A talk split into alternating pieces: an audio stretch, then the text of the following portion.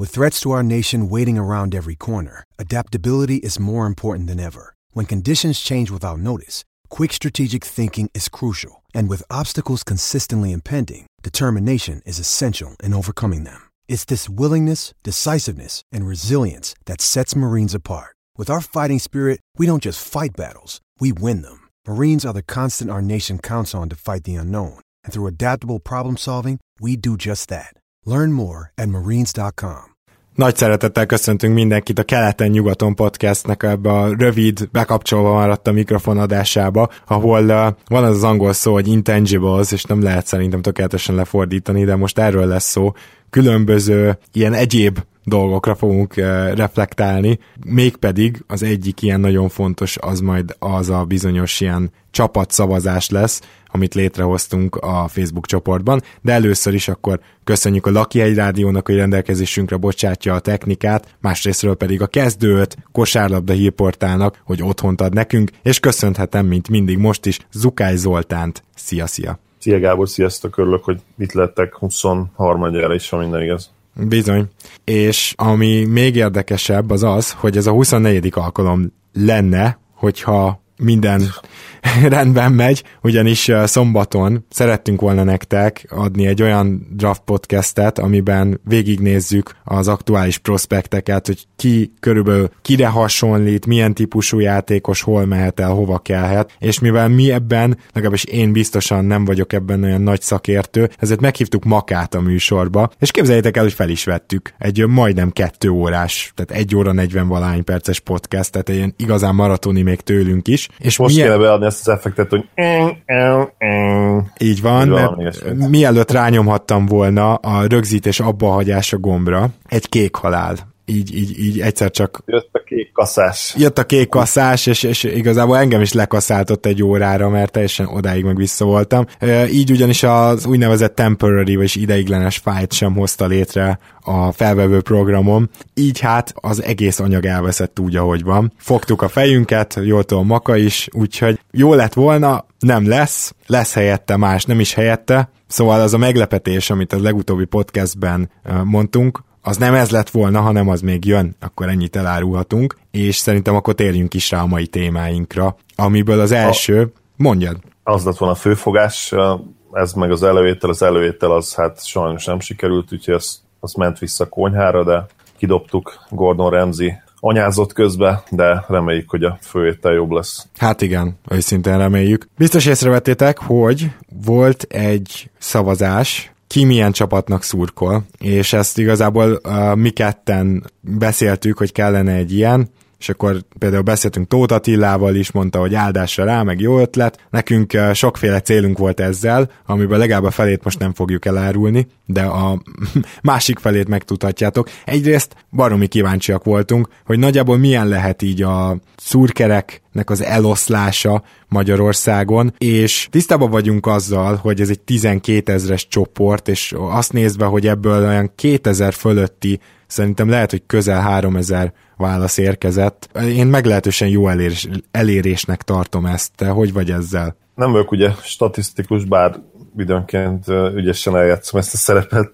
Nem tudom pontosan, hogy mennyire lehetne ezt a hivatalos szabályok szerint reprezentatívnak tekinteni, de én is azt gondolom, hogy laikusként, hogy, hogy azért ez mindenképpen mutat valamit, és azért érdemes róla beszélni egy kicsit. Hát igen, különösen azt nézve, hogy ugye azokat az ilyen felméréseket, amit mindig láttok, olyan politikai felmérések, hogy ki melyik pártra szavazna, stb., azokat már ezer megkérdezetnél is reprezentatívnak tekintik az egész országra, tehát a 10 milliós Magyarországra nézve. Úgyhogy, ha azt vesszük, hogy van egy 12 ezeres csoportunk, de hogyha azt vesszük, hogy mondjuk ezen kívül is még van egy ilyen 3-4 ezer NBA rajongó, aki valamiért nincs ebbe a csoportba benne, szerintem annál több nem hiszem, hogy, hogy akad. Nos, hogyha ezt nézzük, akkor ez bőven reprezentatívnak kell, hogy legyen, egyetlen egy, ami ezt befolyásolhatja, hogy nyilván a döntő után tettük fel a kérdést. Biztos vagyok benne, hogy novemberben, mikor elkezdődik a liga, és mindenki nagyon-nagyon odafigyel az NBA-re, mert a kedvenc csapatáért újra reménykedhet. Szóval biztos vagyok benne, hogy, hogy akkor azoknak a csapatoknak, akik most nem szerepeltek olyan jól ezen a felmérésen, azért jobban elértük volna a szurkoló táborát, jobban megmozgattuk volna, és most nem csoda, így se úgy az, hogy a Cleveland és a Golden State lett az első két helyezett, de az is biztos, hogy az ő szurkolóik, azok most nagyon aktívan részt vehettek az NBA beszélgetésekben, és biztos vagyok benne, hogy a csoport életében is ők most sokkal aktívabbak voltak. Mint teszem azt, most azért mondok egy ilyen példát, mert tudom, hogy többen vannak, a Memphis drukkerek, ugye 13 nál áll ebben a pillanatban a Memphisnek a támogatottsága, és én, mivel a második kedvenc csapatom benne vagyok egy Memphis csoportban, ami majdnem 30 főből áll, úgyhogy már csak innen is tudom, hogy itt azért nem arról van szó, hogy ez a 13, ez ne lenne több, de szerintem az elérés azt nyilván befolyásolta, hogy a döntő után kérdeztük. Majdnem a duplája is van ennek a 13-nak az igaz hisze. Ami eszembe itt így a felmérésre kapcsolatban, hogyha most így ránézek a, a táblára, az első gondolat az az, hogy a, és valószínűleg ez nem csak Magyarországon van így, a szurkolói érzelmeket elsősorban játékosok fűtik, én azt gondolom. Ugye az első helyzet Cleveland Cavaliers nyilvánvalóan nem azért az első helyzet Cleveland Cavaliers nyilvánvalóan nem annak köszönheti az első helyét, hogy korszakosan jó alakulat lennének, hanem náluk játszik ugye a liga legjobb és legnépszerűbb játékos a LeBron James. Igen, tehát valószínű, hogy nem arról van szó, hogy már 99-ben is a Cavsnek drukkolt ez az 546 ember, hanem abból mondjuk egy olyan 15 vagy 20 drukkolt 99-ben is a Cavsnek. Én is meglepődni, főleg azért, mert szerintem jó pár közülük még életben sem voltak akkor. Igen, ez sincs kizárva. A második helyezett Golden State Warriorsnál ugyanezt mondhatjuk ki tulajdonképpen, és a Lakers az első olyan helyezett a listának, akinek szerintem felmerül az, hogy tényleg a csapat és a csapat miatt uh, drukkolnak jelen pillanatban nekik ennyien. Nyilvánvalóan ott is azért a Shaq, uh, Bryant uh, korszakok nagyban befolyásolták ezt az eredményt abból a szempontból, hogy sokan akkor szerették meg a csapatot, viszont a Lakersről nekem az jut eszembe, hogy kicsit ők, ők az NBA Real Madridja, tehát azt gondolom, hogy, hogy annyi szurkolójuk van, és tényleg annyira hozzászoktak úgymond a jóhoz idézőjelben, minden, minden korszakban tényleg reprezentálva lennének egy ilyen listán, mert egyrészt nem szokott sok idő eltenni a sikerkorszakok között sem, illetve nyilvánvalóan nagyon-nagyon népszerű csapat kint is, illetve a presztízse is hatalmas, ezért tulajdonképpen szinte mindig meg tudják szerezni a legnagyobb neveket, bár most ugye jelen pillanatban ez nem így van, de, de elképzelhető, hogy ez is azért részben legalábbis hamarosan változik, ugye George valószínűsít, valószínűsíthető leigazolásával. Igen, hát ugye itt a brandépítés a Lakersnél olyan szinten hatékony volt, azt mondhatjuk az elmúlt ilyen 40 évben. Hát nem tudom, a Minneapolis Lakers, azt még talán ne számoljuk ide, de minden esetre ez, hogy, hogy Los Angeles Lakers ez egy olyan brand lett, ami azt gondolom, hogy hamar eljutott ide is, és biztosan rengeteg olyan szurkoló van, aki fiatal korában mondjuk, ha annyi idős, mint én, akkor én ugye most 30 vagyok, akkor például kosaras kártyák lehetnek az egyiken nagy behívó, ugye nagyon fiatalok volt, voltunk, és jöttek a kosaras kártyák, és már ugye akkor is tudtuk, hogy ki meg mi az a Lakers, meg az, az, az melyik csapat, miközben lehet, hogy a másik 29-et nem tudtuk volna felsorolni, mert annyira elért idáig is ez a brand. De hogyha nem is a kosaras kártyák, kártyák hanem más húzott be téged, mert mondjuk kedves hallgató, mert mondjuk fiatalabb vagy, vagy, vagy esetleg idősebb vagy, és akkor még, még a kosaras kártyák előtti idő, akkor is könnyen lehet, hogy a Lakers ért hozzád el először. Szóval a légközdrukkereknek azért is le a kalappal egyébként, mert, mert azért most kitartani, tehát 311-nél áll ez a számláló, azért az elmúlt három év nem lehetett könnyű. És hagy emeljem meg a kalapom, az ilyen szempontból hasonló csapatnak titulál, de az elmúlt évek szenvedéseit ez a statisztika nyilván magán hordozza, szóval 84 darab New York Knicks drukkeren, akikről elmondhatjuk ugyan, hogy ilyen hivatalosan nagy csapatnak szurkolnak, de gyakorlatilag az 20 év szenvedés áll mögöttük, le a kalappal. És akkor, hogyha tovább nézzük egyébként, a, amit te is elkezdtél, hogy a, a Lakersnél van az első ilyen, ahol, ahol tényleg már valószínűleg ilyen nagyon csapatcentrikus szurkolók is vannak. A Celticsre szerintem ez ugyanúgy igaz, bár nyilván most, hogy rengeteg fiataljuk van, és felfelé emelkednek, sokan csatlakoztak, de a Celticsre mindenképpen igaz, a Spurs abszolút, tehát ott általában a kultúrát és a csapat köré épülő kultúrát, amit Popovics létrehozott, azt szeretik. Hát, a győzelmeket legyünk őszinték. Tehát hát nyilván igen. A, a legsikeresebb csapatok úgymond az elmúlt két évtizedből, és akkor még itt említhetjük ugye a hatodik kezet bulls is, hát tulajdonképpen a legsikeresebb csapatok vannak ott tényleg, és ennek kapcsán szerintem beszéltünk arról is, hogy mekkora szerepe van a csapat sikereknek abban, hogy kiből milyen szurkoló lesz, azt gondolom, hogy itt azért elég komoly korrelációt tudnánk találni. Akkor mielőtt úgy tovább elemezgetjük ezt a listát, meséljük már el, hogy nálunk ez hogy alakult ki. Hogyha megengeded, akkor kezdem, mert az én történetem nem olyan hosszú.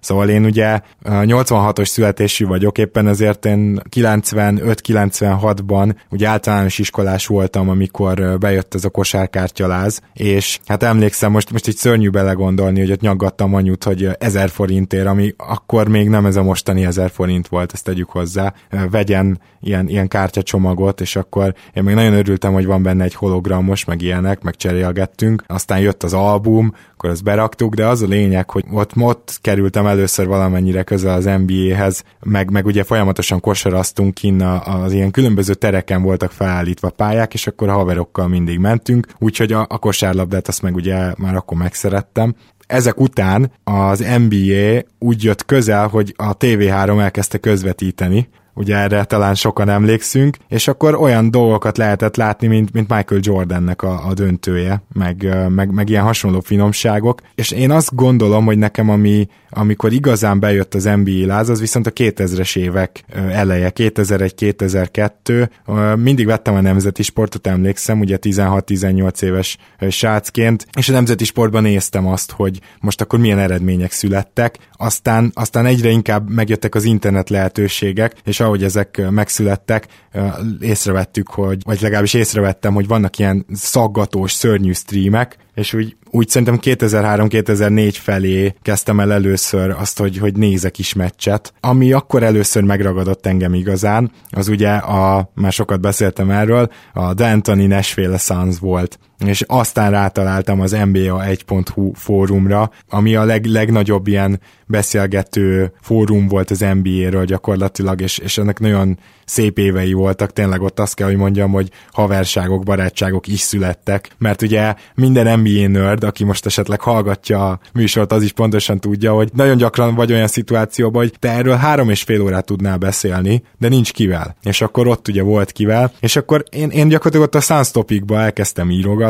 meg mindig kértük egymástól a streamet. Sean Marion lett a kedvenc játékosom, mégpedig nagyon, tehát én, én Matrixet imádtam egyszerűen, és éppen ezért, és most már akkor rövidre fogom, amikor őt elcserélte a Suns Miami-ba, akkor én, én csapatot váltottam, mint ahogy szerintem ez sokan, sokakkal előfordult, és bár a Suns mindig a szívem csücske maradt, de azért aktívan elkezdtem figyelgetni ezt a Miami csapatot, és aztán Marion tovább cserélték Torontóba, aztán Raptors az viszont már egy olyan szerelem lett, hogy annál a csapatnál megragadtam, nehéz ezt megmondani, hogy miért. Például szerintem fontos volt akkor ott a jó fórumtársaság is, bár hozzáteszem, hogy a Heat Topicban is a James előtti időkben rendkívül magas röptű beszélgetéseket is tudtunk folytatni a csapatról. Majd erről is beszéljünk, hogy, hogy egyáltalán az, hogy hasonszörű, tehát tényleg szurkolótársal vajon lehet-e érdembe beszélgetni arról a csapatról, amit mindketten imádtok. Na de nálam így lett a Toronto Raptors igazából, Marionnal utaztam, és aztán már nem utaztam el például Dallasig, ahol veled is találkoztam találkozhattam volna, meg Marion gyűrűjével, ami miatt egyébként nekem az a 2011-es cím majdnem ugyanolyan kedves, mint neked. Arról nem is beszél, hogy Kiddet is imádom, és, és ő is ott kapta meg ezt a bizonyos gyűrűt. Itt is látjuk, hogy én is utaztam azért egy kedvenc játékossal egy ideig, még nem egy csapat annyira szimpatikus lett, hogy, hogy ott maradtam náluk. Nálad ez hogy alakult? Mielőtt elmesélem az én sztorimat, hadd kérdezem meg, hogy akkor te 2006 környékén Heat Drucker voltál, Gábor? Nem. Akkor lehet, hogy nem. kéne feloszlatnunk a podcastot. Igen, csak hogy akkor ezek szerint neked a történelmi fact-checking az most nem annyira jött össze, mert hogy... Nem, a... én csak kérdeztem, mert uh, ugye én úgy emlékeztem, hogy Merian utána jött már 2007. Jó, jól emlékszel, igen. Tehát utána jó, igen. jött egy másfél évvel. Jó, igen, tehát akkor akkor, igen, azt tudom persze, hogy a 2006-os csapatban nem játszott még. Na jó, akkor megnyugodtam, folytathatjuk ezt a podcast dolgot. Én is megnyugodtam. Akkor folytassuk azt ezt tesztoriddal. Hogy, hogy lettél Mavericks fan? Én is visszamennék akkor a 90-es évekre, hogyha te is megtetted ezt, talán nem mutatjuk annyira a nézőinket, és most megint szándékosan mondtam így, miért valaki belém köt. Az én első NBA emlékeim azok 93-ra mennek vissza, amikor a magyar tévé adta, akkor még szerintem felvételről elég erőteljesen a, a Bulls Suns döntőt. Ha jól emlékszem, abból sikerült már elcsípni egy-két mérkőzést, ugye a nagy hírű Knézi Jenő tolmácsolásában, nyugodjék békében.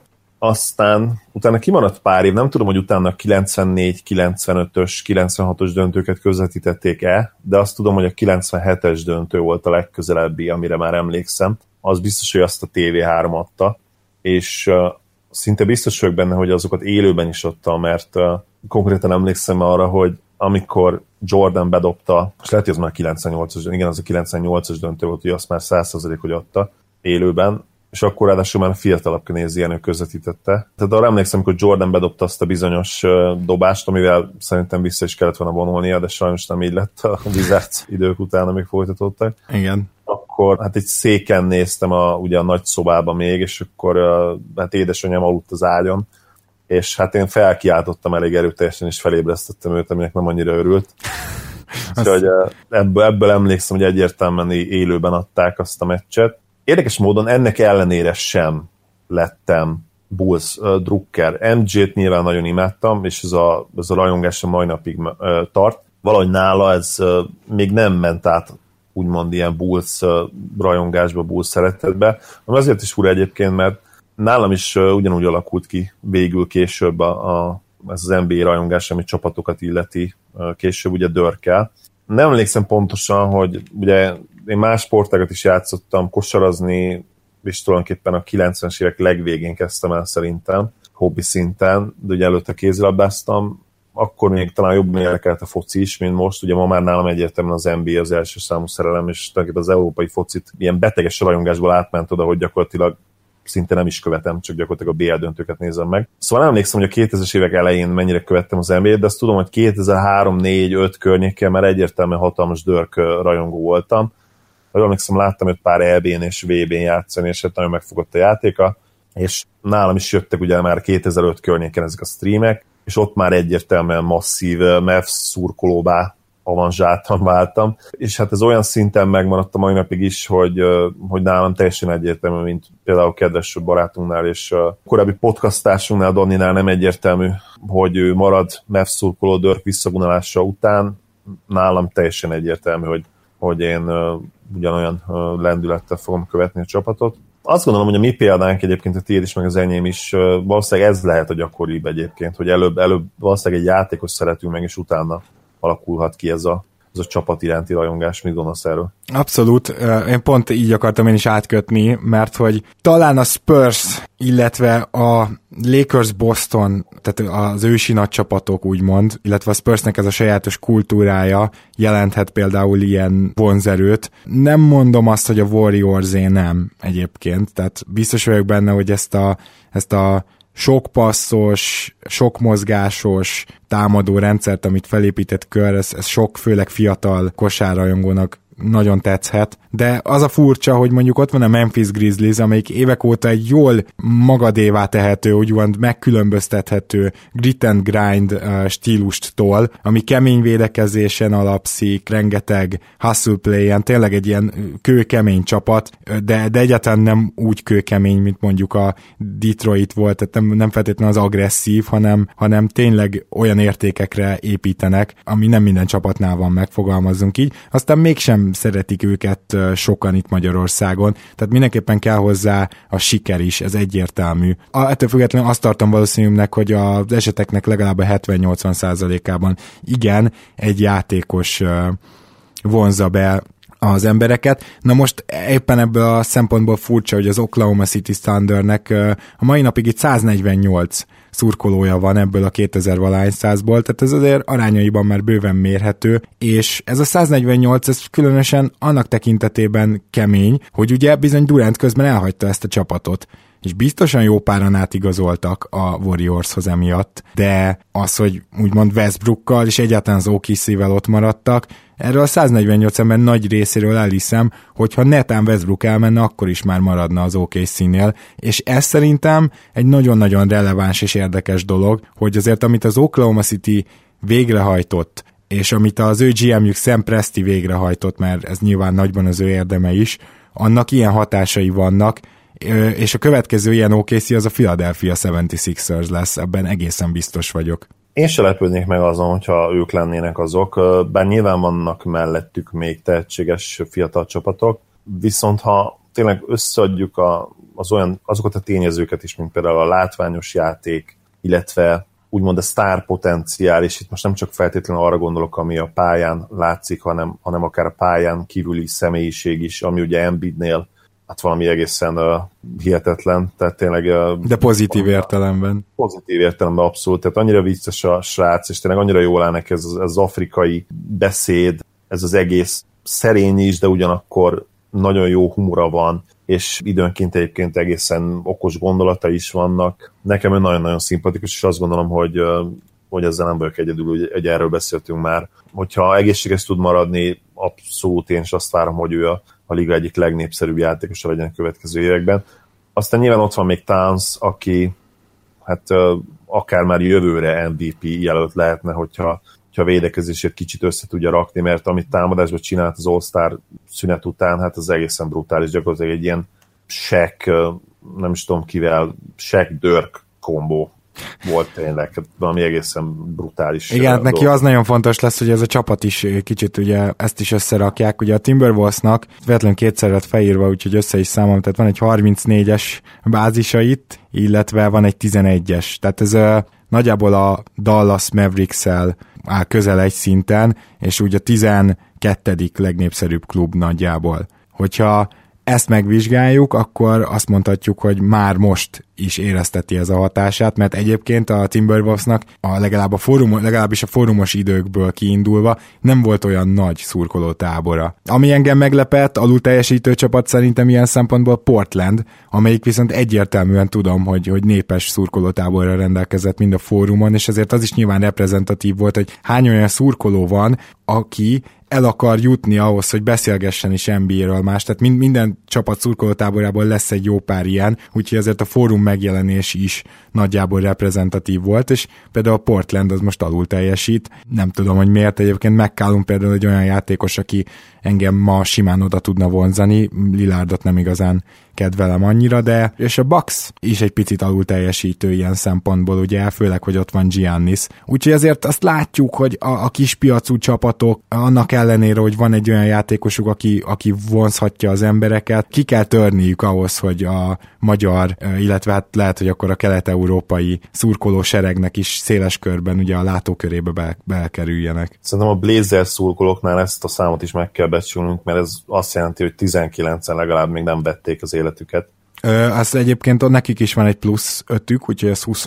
Még 24-en akkor életben vannak, az még jobb. Olyan dolgokon kellett nekik átmenni szurkolóként, ami, ami szerintem páratlan volt az elmúlt körülbelül egy évtizedben.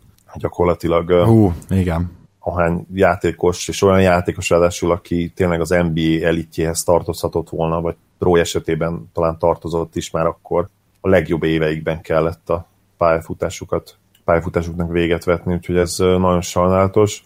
Lilárd egyébként nagyon látványos játékos, de engem, engem speciál nem feltétlenül lep meg az, hogy, hogy nekik nincs túl sok szurkolójuk Magyarországon. Ahogy, ahogy említetted, a kis piac azért ez mindig rányomja a bélyegét a dolgokra. Nem tudom, hogy van-e egyébként másik csapat, ami engem meglep. Talán az lett meg egy kicsit, hogy a Bullsnak, hát bár ugye hatodikak lettek a listán, kicsit arra számítottam, hogy nekik azért még több szurkolók lesz, de hát MJ azért elég régen játszott már ott 20 Igen. éve gyakorlatilag. De azért azt megkockáztatom, hogy a Houstonnak és a Chicagónak a szurkolói átlag életkora lehet talán a legtöbb.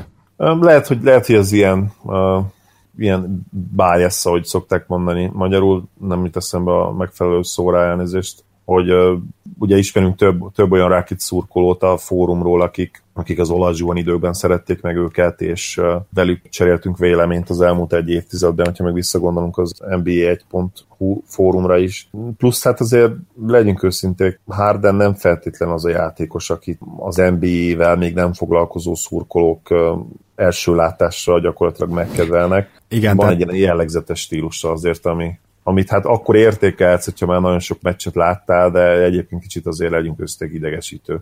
Igen, ez mindenképpen benne lehet. Ugye hatalmas beszélgetések bontakoztak ki. Annak is örülök, hogy, hogy például ilyen volt, hogy a Netsnek négy szurkolója közül az egyik beírta, hogy akkor a többiek azok adják már meg személyesen az elérhetőséget. Aztán kiderült, hogy van egy Nets csoport 11 taggal, ami remélhetőleg azóta már több. Wow. És, és sok ilyen csoportra is fény derült. Ugye a Hawks és a Nets négy-négy szavazattal végzett ennek a listának az alján, ami, ami már tényleg viszont azért érdekes, mert akkor az a négy ember ember, meg az a tíz, aki mondjuk ebben még nem tette bele a szavazatát, de annak a csapatnak szurkol, azért ők mindenképpen egymásra tudnak szerintem találni, és az ő csoportjuk az egy bensőséges beszélgetés. Mindeközben nyilván a nagy csapatoknak is van Facebook csoportjuk, ott meg sokkal érdekesebb lehet ennek a beszélgetésnek a menete. Na mindegy, sokan viszont azt írták, hogy, hogy mennyire idegesíti őket, hogy, hogy ennyi bandwagon, úgynevezett bandwagon szurkoló van, tehát hogy egy kicsit definiáljuk ezt, mert igazából ennek két két jelentése van, én úgy gondolom. Tehát a bandwagon szurkoló az egyrészt lehet az, aki egy, vagy egy nagyon fejlődésben lévő csapathoz, vagy pedig egy éppen csúcson lévő csapathoz csatlakozik, mert mondjuk megtetszik a játéka, de, de van az, az a tényleg engem is elképesztően idegesítő bandwagon szurkoló, aki azért szurkol, hogy, hogy átélhesse azt, hogy így nyer, ezért egyszerre szurkol mondjuk a évek óta a Fradinak, a Juventusnak, a United Chelsea Cityből választhatok egyet, illetve mondjuk éppen most váltott át Warriors szurkolóvá, aki ilyen, és elnézést, ha megsértek vele most egy aktuális hallgatót, aki ilyen, és ezek nem ilyen nagyon őstől régóta meglévő szimpátiák, azt szerintem menjen el sziológushoz és vizsgáltassa ki magát, mert biztos, hogy, hogy legalább öt komplexust fel tudok sorolni, ami, ami részben érinti, és ezek valóban idegesítő emberek azoknak, akik átélték már, hogy milyen egy csapattal lent lenni és fent lenni. Mit gondolsz erről? Ez az egész band, bandwagon, ugye divat szurkoló magyarul kérdés számomra nagyon érdekes, mert hogyha elkezdek azon gondolkodni, hogy, hogy mi is az, mi is az a band, bandwagon érzés, ugye divatszurkolnak lenni, akkor én megkérdőjelezem azt is, hogy egyáltalán létezhet ez a jelenség. Kifejtem, hogy miért. Miért nézünk sportot? Azért nézünk sportot, mert valamilyen örömet okoz az nekünk. Te el tudod képzelni azt, hogy valaki leül úgy a tévé elé, vagy a, vagy a monitor elé, és szurkol egy csapatnak, hogy közben nem érez akármilyen örömöt, vagy, vagy bármit visszakapna ettől a tevékenységtől, mert én ezt nem tudom elképzelni, és hogyha, hogyha pedig megvan ez az érzés, és ez az érzelmi töltet, akkor nem, nem arról beszélünk, hogy ő egy igazi szurkoló. Tehát az igazi szurkoló szerintem attól igazi szurkoló, hogy örömet érez. És emiatt számomra kicsit fura, tehát hogyha most én holnap montráznám magamat, vagy mondjuk a következő szezontól, és leülnék mondjuk a Cavaliers meccsök elé, és azt montráznám magam, hogy én Cleveland szurkoló vagyok, akkor se tudnám elérni azt, hogy én, hogy én Cleveland szurkoló legyek. Tehát ezért fura számomra ez az egész jelenség. Tehát hogyan lesz valakiből úgy divatszurkoló, hogy ténylegesen ki tud venni érzelmileg ebből az egész dologból valamit. Szerintem ez, szerintem ez egy hatalmas ellentmondás, és én nem is létezik szerintem. Hát ugye én, én kétféleképpen közelítettem ezt meg, a funkcionális sziopaták, akik hat éves korukban megragadtak, és csak olyan csapatnak hajlandóak drukkolni, és ezt ki is mutatják, meg is veszik a messz, tudod, akik éppen győznek, hogy ők mindig a győztes oldalon vannak, akik annyira komplexusosak, hogy ezt kell, hogy érezzék. Ez biztos van, ez a kisebb, tehát biztos vagyok benne, hogy ez nem a többség. De ilyen biztosan ő, van. Ők szerinted nem éreznek igazi örömet? Én azért is használtam a sziopata szót egy kicsit, mert biztos, hogy nem tudják átélni azt az örömöt, amit mondjuk te átéltél, amikor végre a Mavs bajnokságot ez, ez lehet, hogy így van, igen. Az uh. teljesen kizárt, hogy ők ezt átélik, mert érted, tavaly előtt még a Heatnek drukkoltak, most meg már a Clevelandnek, vagy a Golden State-nek, szóval, hogy most bocsánat, ne, ne, nem azt mondom, hogy aki Lebronnal átjött a Clevelandbe a sziopata félreértés és ne essék most kifejezetten erre a mindig a győztes csapatnak szurkolok, megveszem a meszt, és ezt kifele hmm. mutatom ezt az egészet, nincs is benne akkor a belső élmény, tehát ezekről beszélek. De még egyszer mondom, ez a kisebbség,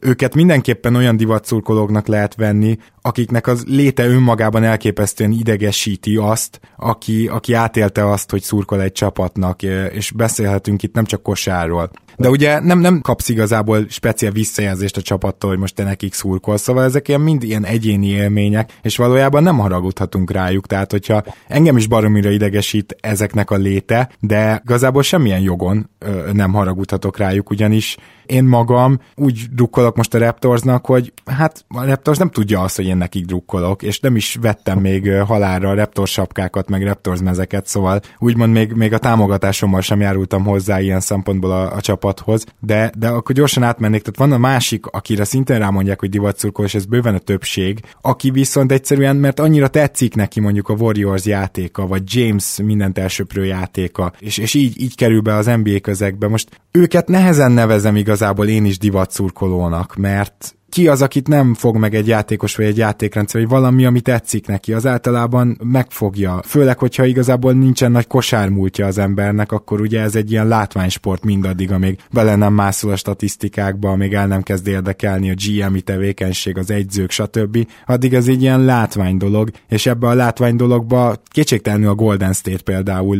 kiemelkedik a ligából, vagy a 2014-es Spurs is kiemelkedett a ligából, szóval ezt nézve meg, én, én őket meg nem tudom igazán divatszurkolónak hívni. Akármilyen furcsa is az, hogy mondjuk egy játékos után vándorolnak. Velem is előfordult, aztán megragadtam egy csapatnál, de, de, de, de abban egyetértek veled, hogy ez a divatszurkolói jelenség, ez, ez nem divatszurkolás annyira. Illetve az is, amikor valaki egy játékost követ, úgymond idézőjelbe egész pályafutása során, abban is van egyfajta lojalitás, hogyha végig gondolod. Tehát azért, mert nem kezd el az illető csapatnak drukkolni, attól még szerintem őt sem nevezhetjük divat szurkolónak, amíg, amíg a szurkolói érzelmei úgymond, hát nem is kell idézőjelbe tenni, igen, a szurkolói érzelmei valósak és tényleg lojálisak. Itt egyébként hadd tegyek már egy felhívást, szerintem te is jól tettek fogod tartani. Ha van esetleg vagy pszichológus, vagy sportpszichológus, akár a csoportban lévő hallgatóink között, akár azok között, akik nem tagjai esetleg a csoportnak, jelezzen már felénk, mert én nagyon szívesen összehoznék egy ilyen adást, ahol kicsit beszélünk akár a sportoló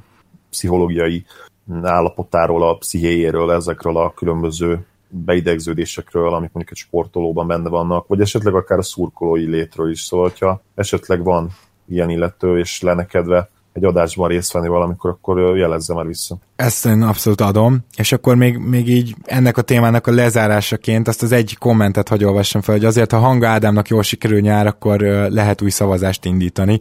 Egyetértek, annyira egyetértek, hogy szerintem Hanga Ádám minden magyar számára kivételt kell, hogy jelentsen az alól, hogy ledivat szurkolózzuk, és ezt most komolyan mondom, mert, mert ez viszont az egész nemzetünk, tehát a magyarságunknak is egy akkora, hogy is mondjam, különlegesség és pozitívum, amit ugye Dávid Kornél tudott annó produkálni, de akkor még nem volt ekkora közösség, amelyik így összehozva egymást is látta a Facebookon. Most van, és, és bevallom őszintén, hogyha Hanga Ádám átjön, én attól Raptor szurkoló maradok, de hogy nem egyszer elkezdek majd nézni Spurs meccset, amit, amit eddig nem tettem feltétlenül, az, az egészen biztos, tehát nem, nem fogom azt ettől az élménytől magam megfosztani, hogy, hogy Hanga Ádámot ne kövessem az NBA-ben azért, mert alapvetően egy másik csapatnak szurkolok, és biztos vagyok abban, hogy, hogy sokan fogják így érezni, hogy azért hogy azért az egész nemzetünknek egy ilyen hatalmas dolog, hogy egy ilyen tényleg a, a legjobbakat tömörítő, statisztikailag és követhetőség szempontjából a világ top ligái között lévő liga, mint az NBA, abban megjelenhet most egy olyan magyar játékos, akitől ráadásul azt gondolom azt reméljük, hogy, hogy alapvetően egyből rotációjátékos lesz. Teljesen egyetértek veled, én is biztos vagyok benne, hogy ugyanígy fogok tenni. Én alapban is egyébként az utóbbi években megkedveltem a Spurs játékát, de nyilván erre Ádám jelenléte ne kiabáljuk el, de most már azért elég sok jel arra utal, hogy, hogy ő bizony Spurs játékos lesz jövőre szóval ez még inkább fel fog erősödni. És én is azt gondolom, hogy ez sokkal nagyobb attrakció lesz úgymond, mert hát ha visszagondolunk arra, hogy ugye Cornell 98-as, 98-99-es szezontól ment ki, szerintem akkor nem is volt még lakossági internet, vagy hogyha volt, akkor horroráron volt, és, és nagyon kevés helyen elérhető. Ugye azt hiszem 93-ban, vagy 94-ben ugye alkotta meg az illetőknek nem ugrik, meg, nem ugrik be a neve az internetet. 98-99-ben szerintem még csak szinte, ugye, vagy az iskolákban, illetve az egyéb ilyen intéz, intézményes rendszerben volt elérhető. Most pedig ugye gyakorlatilag minden háztartásban van szinte internet, és, és nem csak, hogy minden háztartásban van, hanem olyan korosztály is megtanulta használni, aki, aki egyébként nem a mi korosztályunk, hanem akár 10-20 évvel is idősebb, plusz ugye nagyon fiatalok is, úgyhogy én is abszolút hangádám őrületre számítok amennyire nyilván ez lehetséges a mi kis piacunkon, ahol tényleg szerintem egy olyan, olyan 20 ezer igazi NBA szurkoló lehet. Én meg beszéltük a múltkor a Danival, hogy, hogy elérhetjük-e egyszer a csoportban a 20 ezeret, ő azt mondta, hogy szerintem azt még simán. Én is azt gondolom, hogy kb. ennyi lehet a kapacitás itt Magyarországon úgy igazából. Hát én azt nagyon a maxnak érzem, tehát most kéne fogadni, én azt mondom, hogy nem, de nektek legyen igazatok, és akkor egy dolog marad hátra, hogy a szurkolói csoportokról beszéljünk. Van-e például a Mavsnek szurkolói csoportja a Facebookon? Mert ugye valamennyire gondolom az NBA 1.hu-s fórumot ti is meg- megpróbáltatok átmenteni. Van, igen, jelen vagyunk a Facebookon, nem azt mondom, hogy nagyon aktívak vagyunk, de azért amikor valami zsírosabb, zaftosabb pletyka van, vagy pedig valami komolyabb történés, azért arról egy kicsit szoktunk beszélgetni, így van egy ilyen kemény mag, egy négy-öt ember szerintem, Danival és velem is Danival is velem együtt, akivel így át szoktuk beszélni, hát nem, azt hiszem olyan 30 lehetünk benne talán, és hát ott is azért a legtöbben csak, mint ahogy ugye a nagy csoportban is, hát a legtöbben csak nézelődnek, nem pedig nem posztolnak, de igen, jelen vagyunk. Én is akkor gyorsan elmondom, a Raptors fenek is abszolút várják az érdeklődőket, ugye már lassan 30-an vagyunk, vagy tám vagyunk is 30-an, és azért itt is ugye, amikor csak tudunk, például az én vezetésemet, de, de már emlegettem egyszer Molnár Ádámnak a nevét, az ő, ő gyakorlatilag a fő Raptors drukker Magyarországon. Sőt, és hát Ádámnak megelőgezhetjük szerintem, hogy egész Európában ő lehet az egyik legnagyobb Raptors Így van, így van, és, és, és ugye vele is, de, de most már nagyon sokan Kristófot is mondhatnám, na mindegy, sokan csatlakoztak, és, és mi azért aktívak vagyunk, hogyha... Én vagyok bandwagon fanként, ha már Így ha van, már így van, róla. és azért próbáljuk, hogyha van valamilyen hír, akkor azt megosztani, és egészen komoly beszélgetések is mennek. Azért is mentem el ebbe az irányba, hogy, hogy egy kicsit feldicserjem maguk, magunkat, mert mert szeretném elmondani, hogy szerintem mik az előnyei egy ilyen szurkolói csoportnak. Ugye kint a nagy csoportba, hogy így mondjam, a Facebookon, 12 ezer ember között először is rengetegen próbálnak posztolni, ami rengetegszer nem egy releváns poszt, vagy már volt, vagy ezt a kérdést már 40-en feltették, és akkor az adminoknak kell ezt gyakorlatilag kiszedálni. A kapásból van egy olyan teljesen magától értetődő és elfogadható és jó, hogy is mondjam csak, szűrés, ami miatt nem feltétlenül tudsz mondjuk kezdőszurkolóként olyan szabadon beszélgetni, ez teljesen egyértelmű.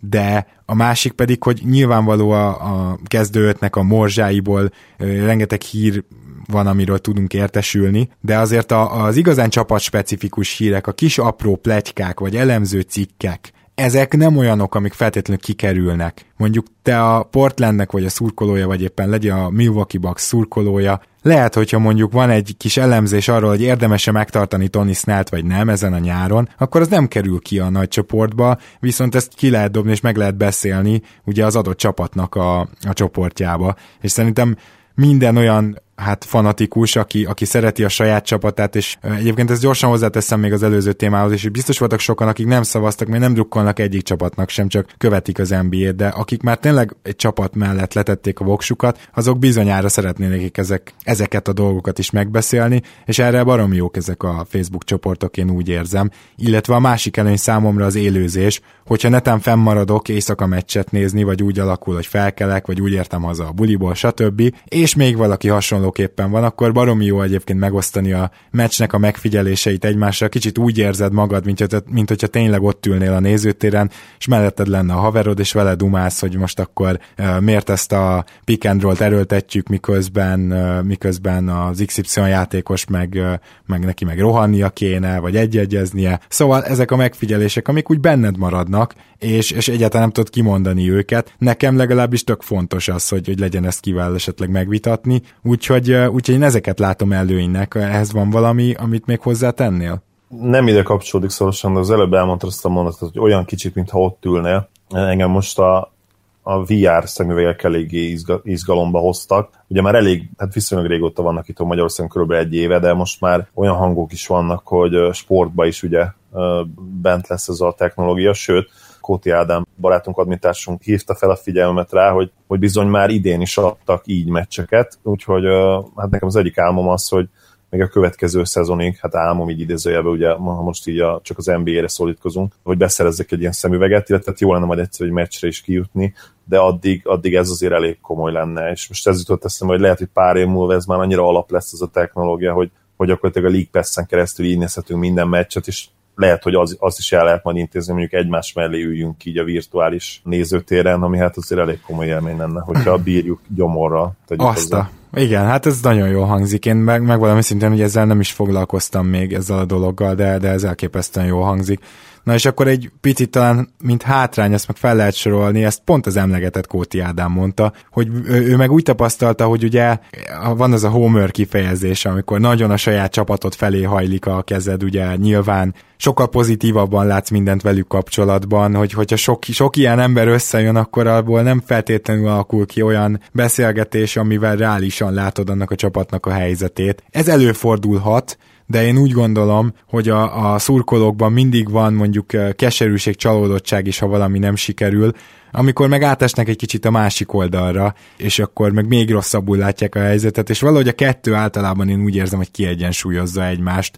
Úgy, én, hogy... is, én is abszolút ezt gondolom, hogy most közben de az olyannyira igaz, hogy nálunk abszolút ez kialakult például a Mavs csoportban is, illetve ugye a Danival, Dani, aki gyakorlatilag az örök optimista, én pedig általában ezzel a kritikusabb, kicsit negatív szemléletű szurkoló vagyok, aki, akiről időnként akár még úgy is érezhetik, hogy kicsit a csapat ellen szurkol, ami mondjuk ebben, ebben a szezonban speciál tényleg igaz volt, mert ugye én, én, a, én a hosszú távra terveztem, és ugye ez nem azt jelenti, hogy én nem szeretem a Mavs-t, vagy nem értük dobban a szívem, hanem egyszerűen tudtam azt, hogy teljesen, totálisan lényegtelen az, hogy nyerünk, sőt, nem is az, hogy lényegtelen, az még jobbik eset lett volna, hanem gyakorlatilag a saját draft helyünket nehezítettük meg ezzel, és most pont, pont ez lett a probléma egyébként, mert ugye az utolsó meccsünket megnyertük, és emiatt a 9. helyről húzhatunk, és a 8. helyről húztunk volna, és mondjuk a Nix lett volna a 9 akkor simán elvihettük volna például az, valószínűleg Kilitinát, és lehet, hogy pont elő, előttünk fogják őt elvinni.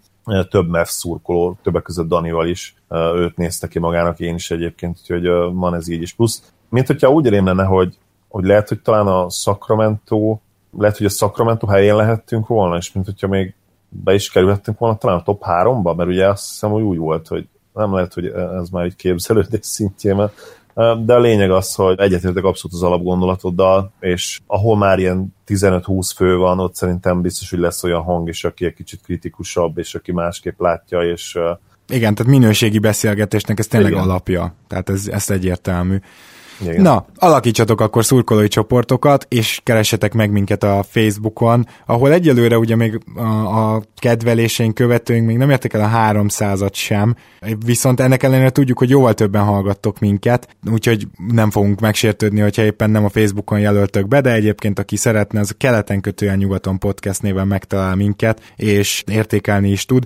Ugyanígy az iTunes-on, ahol ugye újra kellett regisztrálnunk, azóta rengeteg jó kis értékelésünk eltűnt, de azóta is megkaptunk egyet, amit nagyon-nagyon szépen köszönünk, és, és hát ugye, ami, ahol folyamatosan követhettek minket, az maga a SoundCloud, ahova feltöltjük az adásokat, ott pedig látszik, hogy, hogy ugye egy ilyen átlagban egy ilyen 1200-as hallgatottságot hozunk. Én azt szeretném, hogyha a nyár végére, meg a következő szezon elejére ez már 2000 lenne, ilyen álmaim vannak. Minden egészen fantasztikus szám ez, és nagyon szépen köszönjük, hogy figyeltek minket, hogy követtek minket, és ezt most, bár most nem meghatott a hangom, de amikor, de amikor ezen elgondolkoztam, akkor kicsit meghatódtam, mert, mert nem semmi, hogy ez két hónap alatt ekkora táborra duzzadt, úgyhogy tényleg csak, csak azt tudom mondani, hogy köszönjük, és így tovább, és várjuk a visszajelzéseket bármilyen fronton, illetve természetesen terjesztétek az igét, hogy, hogy van ez a keleten-nyugaton podcast, és nem tudom, Zoli ehhez valamilyen hozzáfűzni valód lenne. Ha csak nem az, hogy holnap könnyen lehet, hogy, hogy egy picit megháláljuk ezt a bizalmat, mert valami nagyon nagy dologra készülünk. Hát jó lenne, ha meg tudnánk hálálni, ugye most a, a technika az nem mindig van velünk, időnként ellenünk van, sajnos, hát küzdeni fogunk ellene, hogy minden oké okay legyen. Az biztos, hogy össze fogjuk hozni a holnapi podcastet. Szerintem egy nagyon izgalmas dolog lesz. Lehet, hogy lesznek minimális nehézségek, de azt ugye majd mi megoldjuk, nektek azzal nem kell törődni, és én is csatlakoznék Gáborhoz abszolút. Köszönjük az összes nézőnknek a figyelmet, és reméljük, hogy, hogy még nem maxoltuk ki ezt a dolgot, de ha, de ha ki is maxoltuk, akkor sincs semmi. Akkor minden meg fogunk tenni, hogy, hogy az eddig magunkhoz csábított hallgatóinkat, és akkor most már jól mondom, megtartsuk, és hát nem csak, hogy ezt a jelenlegi színvonalat hozzuk mindig, hanem igyekszünk majd még egy kicsit növelni mindenféle téren. Akkor azt hiszem, hogy ez az a gondolat, amivel elköszönünk. Sziasztok! Köszönjük, hogy hallgatatok minket, sziasztok! Ha más podcastekre is kíváncsi vagy, hallgassd meg a Béton műsor ajánlóját. El tudod képzelni, hogy a podcastet, amit éppen most hallgattál, fél év múlva már a mesterséges intelligencia generálja? Mi sem. De ha érdekel, eljötte már a gépek lázadása. Hallgass bele az Embertelen podcastbe. Orsós Lajos vagyok, a műsor házigazdája. Egyelőre még élőben. Egyelőre. Fedezzük fel együtt, hogyan ismerkedik, randizik, mesél és vitatkozik Betty és Péter, két teljesen mesterséges intelligencia. Lajos, a podcast címét mond még egyszer, Léci. Oké. Okay. Embertelen podcast. Ez a műsor a Béton közösség tagja.